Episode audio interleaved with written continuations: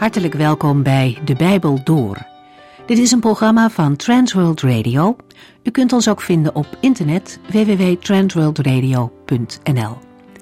De Bijbel Door is een radioserie die in vijf jaar tijd door de hele Bijbel gaat. Van Genesis tot Openbaring, van kaft tot kaft.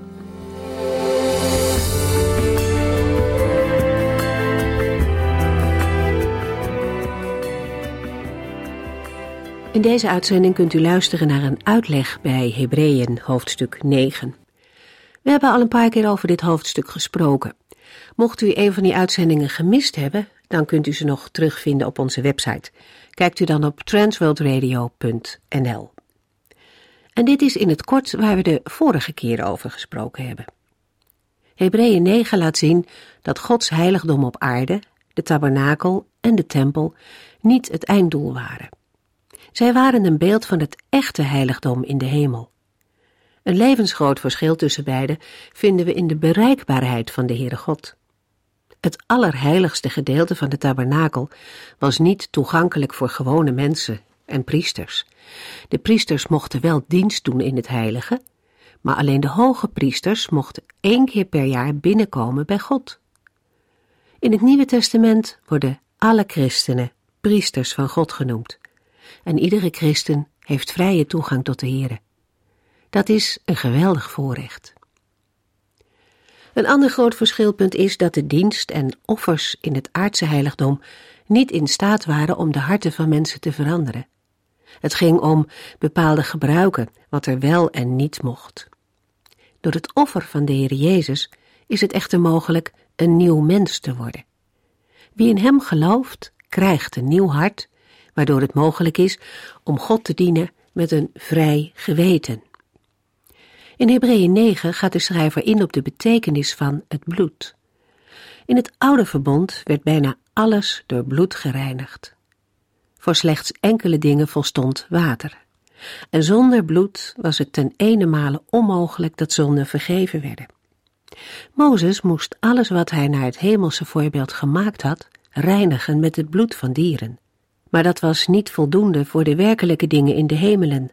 Daar was een beter offer voor nodig, het offer van Christus. We gaan hier verder en lezen Hebreeën 9 vanaf vers 23.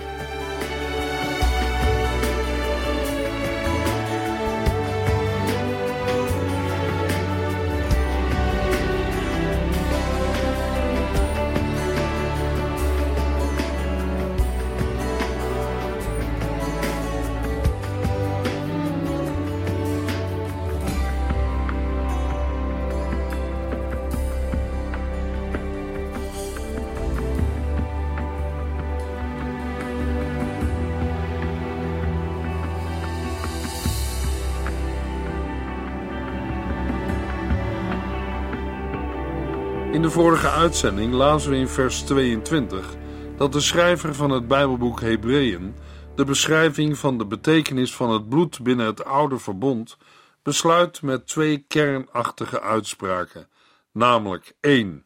Met bloed wordt alles gereinigd en 2. Als er geen bloed vloeit, worden de zonden niet vergeven. Binnen het oude verbond was het bloed de enige mogelijkheid om een bepaalde reiniging of vergeving van zonde te ontvangen. De schrijver van Hebreeën wist dat het effect daarvan beperkt was. Anders kon hij in Hebreeën 9 vers 9 niet schrijven, ook al werden al deze gaven en offers gebracht, ze konden het geweten van de mensen toch niet zuiveren. Ook in Hebreeën 10 vers 4 geeft de schrijver aan dat het effect van het bloed van stieren en bokken nooit voor goed met de zonde kan afrekenen.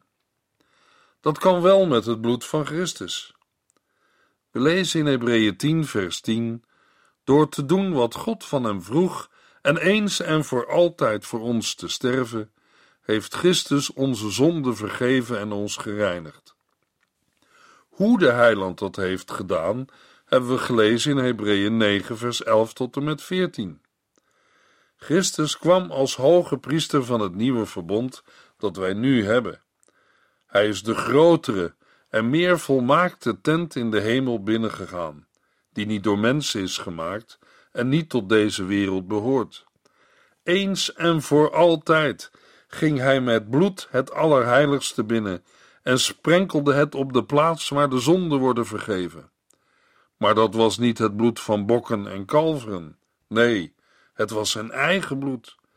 En daarmee heeft hij ons voor eeuwig van de zonde bevrijd. Als het bloed van bokken en stieren en de as van jonge koeien van zonde konden reinigen, hoeveel te meer zal dan het bloed van Christus ons hart en leven veranderen? Hij die zelf zonder zonde is, heeft door de hulp van de eeuwige geest zich gewillig aan God overgegeven om voor onze zonde te sterven. Daardoor wordt ons geweten gezuiverd van daden die tot de dood leiden en kunnen wij de levende God dienen. Hebreeën 9 vers 23 Daarom moest Mozes alles wat hij naar het hemelse voorbeeld had gemaakt, de heilige tent en alles wat erin was, reinigen door het bloed van dieren. Maar de werkelijke dingen in de hemelen worden door veel betere offers gereinigd. Als het aardse heiligdom met toebehoren door besprenging met bloed gereinigd moest worden, dan moet ook het ware hemelse heiligdom een reiniging ondergaan. En dat is gebeurd, want het betere offer is Jezus Christus. Bij vers 23 kunnen we ons afvragen waarom het hemelse heiligdom gereinigd moest worden. Het was immers niet met mensenhanden, maar door de Heere zelf gemaakt. Mogelijk moeten we de woorden, maar de werkelijke dingen in de hemelen worden door veel betere offers gereinigd, in dit verband eerder opvatten als inwijden. Wel wordt het hemelse heiligdom gebruikt voor de ontzondiging van de gelovigen. Zij worden gereinigd van zonden en hun geweten wordt gezuiverd van daden die tot de dood leiden. Daarom moest Christus eens en voor altijd met zijn bloed het Allerheiligste binnengaan en het sprenkelen op de plaats waar de zonden worden vergeven. Hebreeën 9, vers 24. Christus is het heiligdom binnengegaan om in onze plaats voor God te verschijnen. Hij deed dat niet in het heiligdom dat door mensen was gemaakt, want dat was slechts een afbeelding van het werkelijke heiligdom in de hemel. Vanaf vers 24 wordt aangetoond dat Christus inderdaad voldoet aan de voorwaarden uit het vorige vers, namelijk de reiniging van het hemelse heiligdom met betere offers. In vers 24 wordt ons voorgehouden hoe Christus niet het aardse, met handen gemaakte heiligdom, maar het hemelse is binnengegaan. Opnieuw staat de schrijver het beeld van de grote verzoendag voor ogen. Met heiligdom wordt blijkens vers 25 het allerheiligste en niet de voorste tent het heilige bedoeld. Het allerheiligste wordt in vers 24 slechts een afbeelding van het werkelijke heiligdom in de hemel genoemd. Met andere woorden, een tegenbeeld van het ware, namelijk van het hemelse heiligdom. In de Griekse tekst lezen we voor het woord afbeelding het woord tegenbeeld. In vers 24 is het tegenbeeld de afbeelding van het voorbeeld dat de Heer aan Mozes op de berg had laten zien. Christus is binnengegaan in de hemel zelf. Nadat hij de hemelen was doorgegaan, is hij aangekomen in de eigenlijke woonplaats van de Heere, de plaats van Gods troon. In Exodus 33, vers 20 lezen we dat de Heere tegen Mozes zegt: U zult mijn gezicht echter niet zien, want er is geen mens die kan blijven leven nadat hij mijn gezicht heeft gezien. Op grond van deze uitspraak van de Heere kan geen mens het aangezicht of gezicht van God zien en leven. Zelfs op de grote verzoendag werd de hoge priester door een wolk van reukwerk van de tegenwoordigheid van de Heere gescheiden.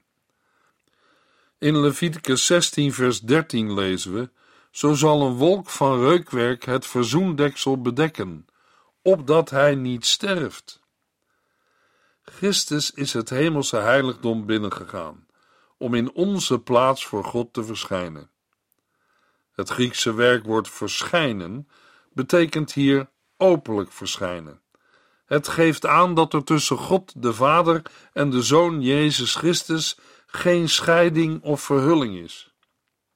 In de Griekse tekst lezen we nog het woordje nu en wordt de tekst Christus is het heiligdom binnengegaan om nu in onze plaats voor God te verschijnen. Het maakt duidelijk dat ook nu Christus voor het aangezicht van God verschijnt. De woorden in onze plaats houden daarom zowel in ter verzoening van onze zonde als om ons te helpen en voor ons te pleiten. Dat wil zeggen om onze belangen bij God te behartigen. Hebreeën 9, vers 25. Hij heeft zich ook niet telkens weer geofferd, zoals de hoge priester, die elk jaar weer het Allerheiligste moest binnengaan om dierlijk bloed te offeren. Het volgende aspect van de voorwaarden uit vers 23, namelijk dat betere offers nodig zijn, wordt ook door Christus vervuld. Zijn offer is zo volkomen dat het ook niet telkens weer hoeft te worden herhaald. De Heer Jezus Christus bracht dan ook geen vreemd bloed, het bloed van bokken en kalveren, maar zijn eigen bloed, zichzelf. Net als in het vorige vers wordt in de Griekse tekst de zin ingeleid met een ontkenning. Hierdoor komt het verschil van het offeren van Christus met dat van de hoge priester uit het Oude Testament sterker uit.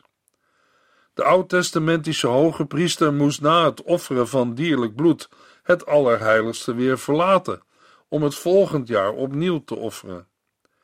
Maar de Heer Jezus Christus blijft bij God de Vader. Hij heeft zich ook niet telkens weer geofferd. De schrijver van het Bijbelboek Hebreeën ziet het offer van Christus in het licht van de grote verzoendag als één geheel. Zijn sterven op Goede Vrijdag en het binnengaan met zijn bloed bij de hemelvaart, waarmee hij zichzelf aanbiedt als verzoeningsoffer.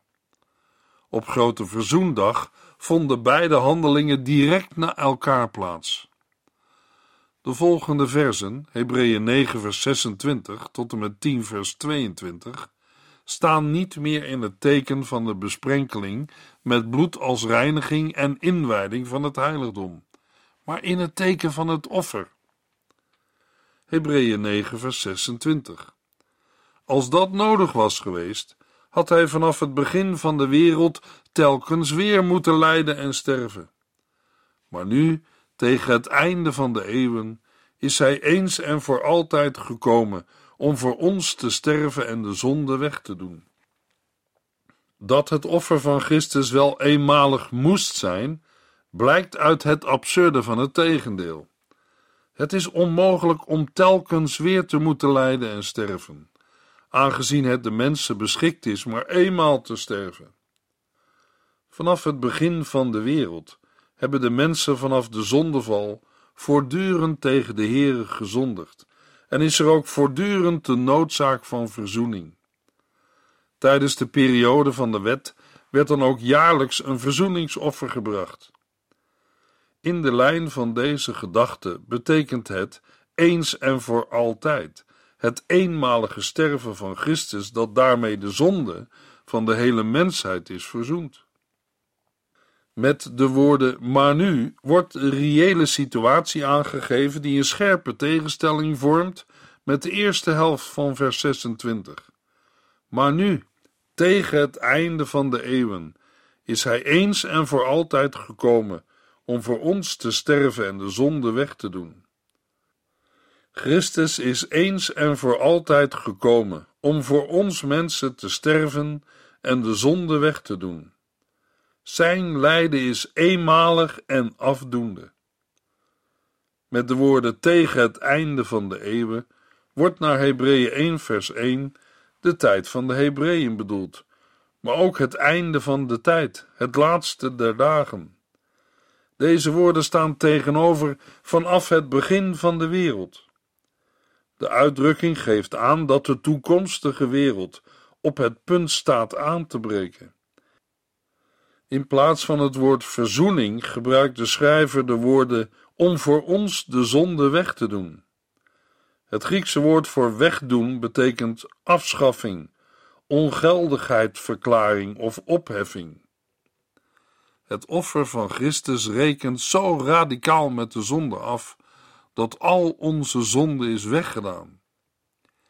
De woorden: Hij is eens en voor altijd gekomen om voor ons te sterven, houden in dat Christus al voor zijn komst op aarde, voor zijn menswording, bij God was. Het gebruik van de voltooid tegenwoordige tijd geeft aan dat deze eerste verschijning van Christus op aarde definitieve gevolgen heeft. Hebreeën 9, vers 27 en 28. Zo zeker als alle mensen eenmaal sterven en daarna beoordeeld worden, zo zeker zal Christus, nu hij eenmaal gestorven is om de zonden van vele mensen weg te nemen, nogmaals verschijnen.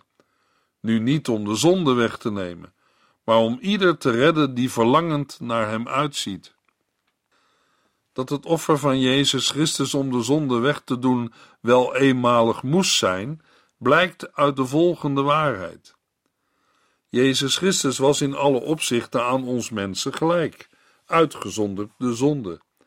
Daarom gold voor hem wat voor alle mensen geldt, namelijk eenmaal te sterven. Het leven kan niet nog eens worden overgedaan. In vers 27 gaat het over een algemene waarheid. De schrijver van Hebreeën denkt niet aan speciale gevallen, zoals Henoch en Elia, die niet stierven, of Lazarus, die door Jezus uit de dood werd opgewekt, maar later toch ook weer is gestorven. De woorden, nu hij eenmaal gestorven is om de zonden van vele mensen weg te nemen, wijzen op een goddelijke beschikking. Het woordje eenmaal versterkt de overeenkomst met vers 26 en 28. Na het sterven volgt de beoordeling, het gericht of het oordeel. Het oordeel van God over rechtvaardigen en onrechtvaardigen. De schrijver van Hebreeën laat zich in vers 27 niet uit over de tijd die eventueel verloopt tussen het sterven en het oordeel. Uit de vergelijking tussen vers 27 en 28 volgt de logische conclusie dat ook Jezus Christus na zijn sterven door God de Vader werd beoordeeld. Gods oordeel had tot gevolg 1. de opwekking van Christus uit de doden, 2. de verhoging van Christus, 3. Christus ontvangt het hoge priesterschap, 4. de heerschappij aan de rechterhand van God de Vader en 5. de heerlijkheid en eer die Christus bij zijn wederkomst aan de gelovigen zal schenken. De opbouw van vers 28 loopt parallel met vers 27. Het eerste deel beschrijft het eenmalige sterven van Christus en de tweede helft dat wat na het sterven volgt. Het wegnemen van de zonde van vele mensen is ontleend aan Jesaja 53 vers 12. Christus stierf voor de zonde van alle mensen, maar zijn offer komt feitelijk alleen de gelovigen ten goede. Het woordje nogmaals in vers 28 maakt duidelijk dat Christus na zijn sterven voor de tweede keer zal verschijnen. Daarmee is een nieuwe verschijning op aarde bedoeld. Nu niet met het doel de zonde weg te nemen, want dat heeft al plaatsgevonden, maar om ieder te redden die verlangend naar hem uitziet. Dat wil zeggen om de gelovigen de behoudenis, de eeuwige heerlijkheid te geven. De gelovigen worden in vers 28 degene genoemd die verlangend naar Hem uitzien. Dit omdat de verwachting van de wederkomst van Christus een wezenlijk kenmerk van het leven van een gelovige is. De woorden maken ook duidelijk dat niet alle mensen automatisch deel hebben aan het verzoeningswerk van Christus, maar alleen zij die door Hem zijn gered en verlangend uitzien naar Zijn wederkomst.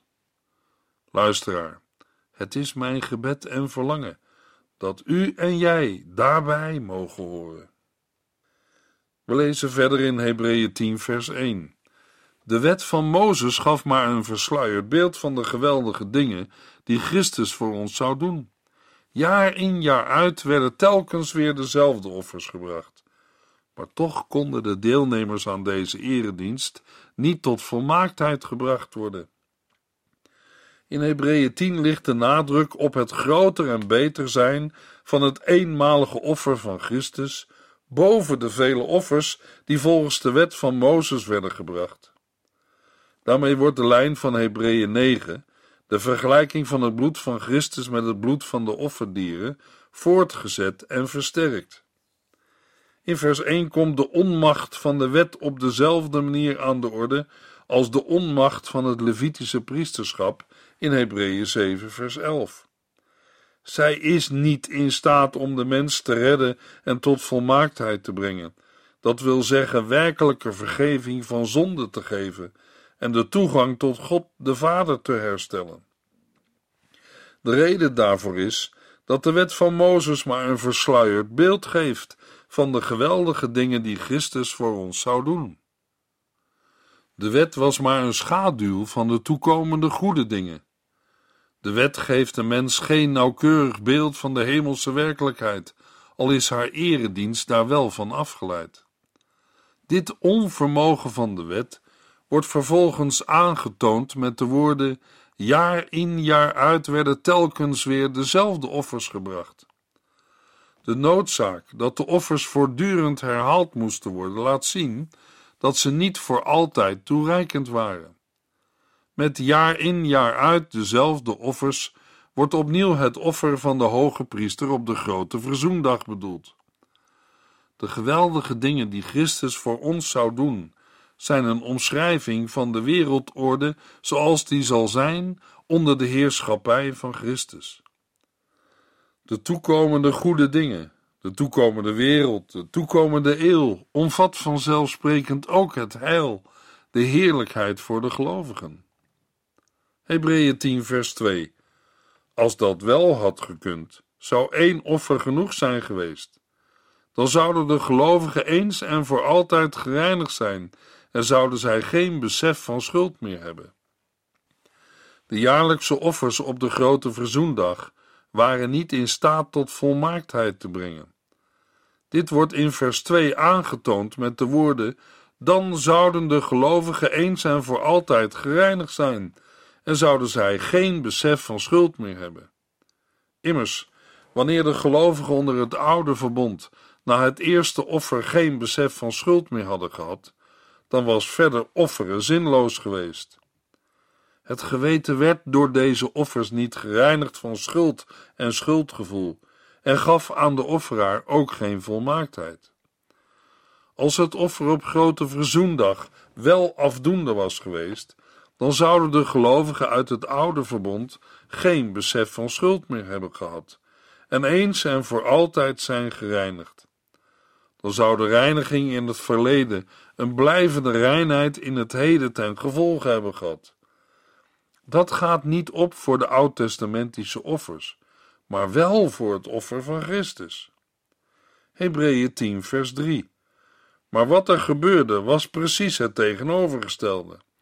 In plaats van hen van zonden te bevrijden, herinnerden die jaarlijkse offers hun aan hun ongehoorzaamheid en schuld. De woorden van vers 3 roepen de vraag op: wat is dan wel de functie en betekenis van de jaarlijkse offers op de grote verzoendag? Het antwoord van de schrijver van Hebreeën is: zij dienen er alleen toe om de zonde bij de mensen in herinnering te brengen. Paulus onderwijst in de brief aan de Romeinen en de Galaten dat de wet, waarvan de offers een onderdeel zijn, de zonde doet kennen. Zij is niet in staat de zonde echt te verzoenen, maar bewerkt wel in het geweten een verlangen naar verzoening, die uiteindelijk door de Heer Jezus is bewerkt. In dezelfde lijn spreekt Hebreeën 9, vers 8, waar we lazen dat de inrichting van de tabernakel, een onderdeel van de wet, een illustratie is van het feit dat de toegang tot God niet vrij is.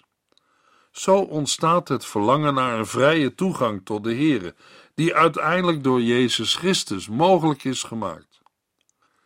Mogelijk denkt de schrijver hierbij aan de woorden van nummer 5, vers 15, waar een offer wordt gebracht om te herinneren aan een begane zonde. De Joden leerden dat offers gebracht door iemand die geen berouw voelde, alleen maar de zonde bij de offeraar in herinnering brachten. Maar de schrijver van Hebreeën breidt dit uit tot alle mensen en alle offers. Pas in het nieuwe verbond dat door het eenmalige offer van Christus is ingewijd, wordt het geweten van zonde gereinigd. Het woord herinnering komt ook voor in de instellingswoorden van het heilige avondmaal. Maar dan heeft de herinnering aan ongehoorzaamheid en schuld plaatsgemaakt voor de herinnering aan verlossing en bevrijding van zonden. Hebreeën 10 vers 4 Want het bloed van stieren en bokken kan nooit voor goed met de zonden afrekenen. De schrijver besluit zijn onderwijs over het onvermogen van de offers van de grote verzoendag met een korte stelling. Het is onmogelijk dat het bloed van stieren en bokken de zonde wegneemt. Het uitdrukkelijk noemen van stieren en bokken is een duidelijke verwijzing naar de grote verzoendag. Het werkwoord wegnemen wordt in de Griekse vertaling van het Oude Testament veel gebruikt voor het wegnemen van zonden, maar in het Nieuwe Testament alleen nog in Romeinen 11. De gedachte dat offers van dieren de zonde niet kunnen wegnemen, vinden we al in het Oude Testament. Maar naast de noodzaak van berouw en verbrokenheid was er geen alternatief om verzoening te bewerken. In het menselijk geweten leeft het besef dat de verzoening van het eigen menselijke leven niet kan worden verkregen door middel van het leven van een offerdier. Het bloed van een offerdier bedekte de zonde zolang Christus nog niet met Gods nieuwe, betere verbond was gekomen. Hij nam de schuld van de wereld op zich, ook voor u en jou. Daarover meer in de volgende uitzending. In Hebreeën 10, vers 5 tot en met 26.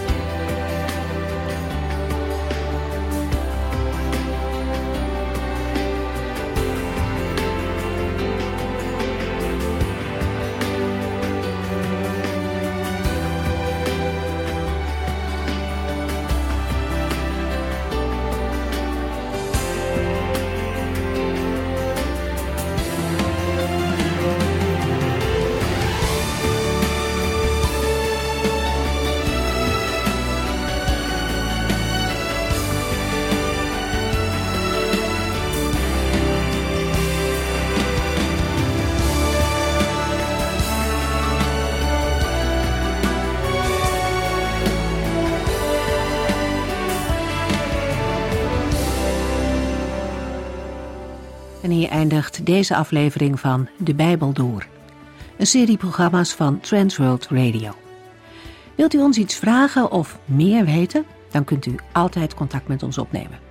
Bellen kan overdag met 0342 478432. Per post Transworld Radio. Postbus 371. Postcode 3770. Anton Johannes in Barneveld. En e-mailen kan ook. De Bijbel door at transworldradio.nl En natuurlijk ook via onze website transworldradio.nl Dit programma werd gepresenteerd door Cor Weda en Ike André. En namens iedereen die er nog meer aan meegewerkt heeft, graag tot de volgende keer.